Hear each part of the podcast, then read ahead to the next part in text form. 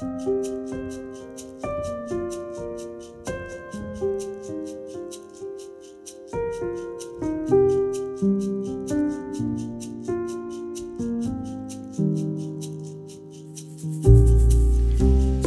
lyttere.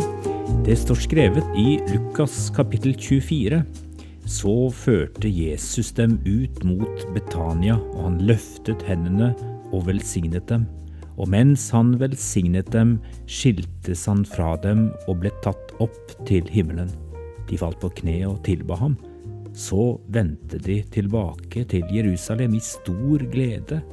Siden var de stadig i tempelet og lovpriste Gud.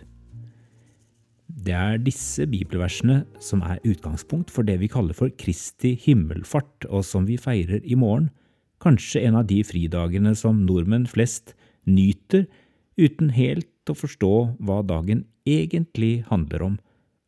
Jeg vil gjerne stoppe opp litt foran Kristi himmelfartsdag i min podkastserie om Kairos tider, for denne kryptiske setningen mens han velsignet dem, skiltes han fra dem og ble tatt opp til himmelen.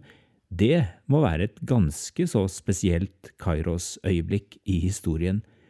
For nye lyttere, i denne serien har jeg definert Kairos-tider og Kairos-øyeblikk på litt forskjellige måter, annet med utgangspunkt i Bibelen. Nærmest det som skjer på Kristi himmelfart, er kanskje denne Kairos-definisjonen.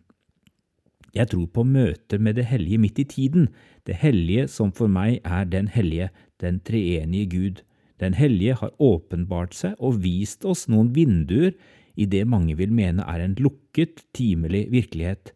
Slike vinduer er beskrevet i Bibelen, og jeg kaller disse vinduene for Kairos. Det som er litt spesielt med dette øyeblikket i nærheten av byen Betania, som er beskrevet i Lukas kapittel 24, det er at det på en måte er et omvendt Kairos-øyeblikk. For i løpet av sitt jordeliv hadde Jesus, Guds egen sønn, latt seg begrense av tid og rom. Gud selv hadde gjort seg til en del av sitt eget skaperverk, og tiden hører til det som Gud har skapt. Det svimler for tanken. Men selv står jo Gud egentlig utenfor tid og rom. Han fantes før verden ble til, og tiden er en del av universets rammer som Gud selv ikke er bundet av. Men ved inkarnasjonen ble Jesus en av oss. Da gikk han inn i vår tid for å utføre et redningsoppdrag for sin far i himmelen. Oppdraget var utført i og med Jesu død og oppstandelse, og i de 40 dagene mellom påskedag og Kristi himmelfart befant Jesus seg i en slags mellomtilstand. Han gikk gjennom dører, og de trodde i begynnelsen at han var en ånd, men han gjorde det klart for dem at det var fortsatt han, og de fikk lov til å ta på han og spise sammen med han. Det var en forberedelsestid før han endelig skulle gå ut av tiden og rommet. Ikke for å forlate dem, det kan ha virket slik, og kanskje følte de det til og med slik i begynnelsen, men tanken var aldri å forlate disiplene. Tanken var å komme dem enda nærmere ved Den hellige ånd, og bo i dem, og samtidig ikke være begrenset av tid og rom, slik at han også skulle kunne være alle andre steder, til alle tider, fordi han som Gud selv er uavhengig av tiden og rommet.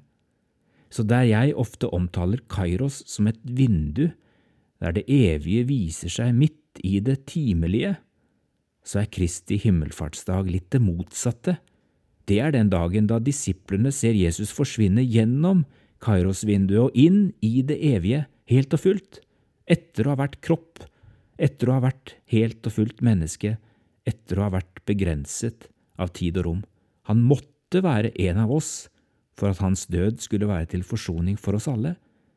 I dette omvendte Kairos-øyeblikket stiger han ut av rommet og tiden.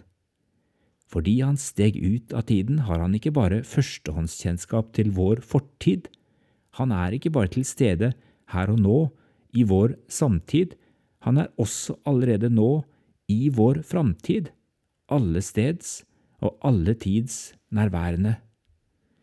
Dette på alle steder og til alle tider, det sprenger tankens kapasitet, men de aner de svimlende konsekvensene Han som nå sitter ved Fars side, er samtidig nærmere vårt egentlige selv enn vi noen gang vil komme. Han som fyller hele universet, får samtidig plass i mitt lille univers.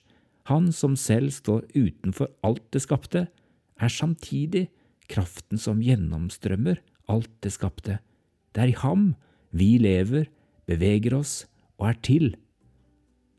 Du har hørt om julegleden, at Gud gjestet jorden som et lite barn. Du har hørt om påskegleden, om syndens og dødens lenker som ble sprengt i stykker. Men har du hørt om himmelfartsgleden? Det var da Jesus gikk fra å være hos de elleve til å være hos oss alle. Se opp, folkens, senk farten på veiene, bli med i dansen, for Jesus er her. La hans himmelfart bli vår glede.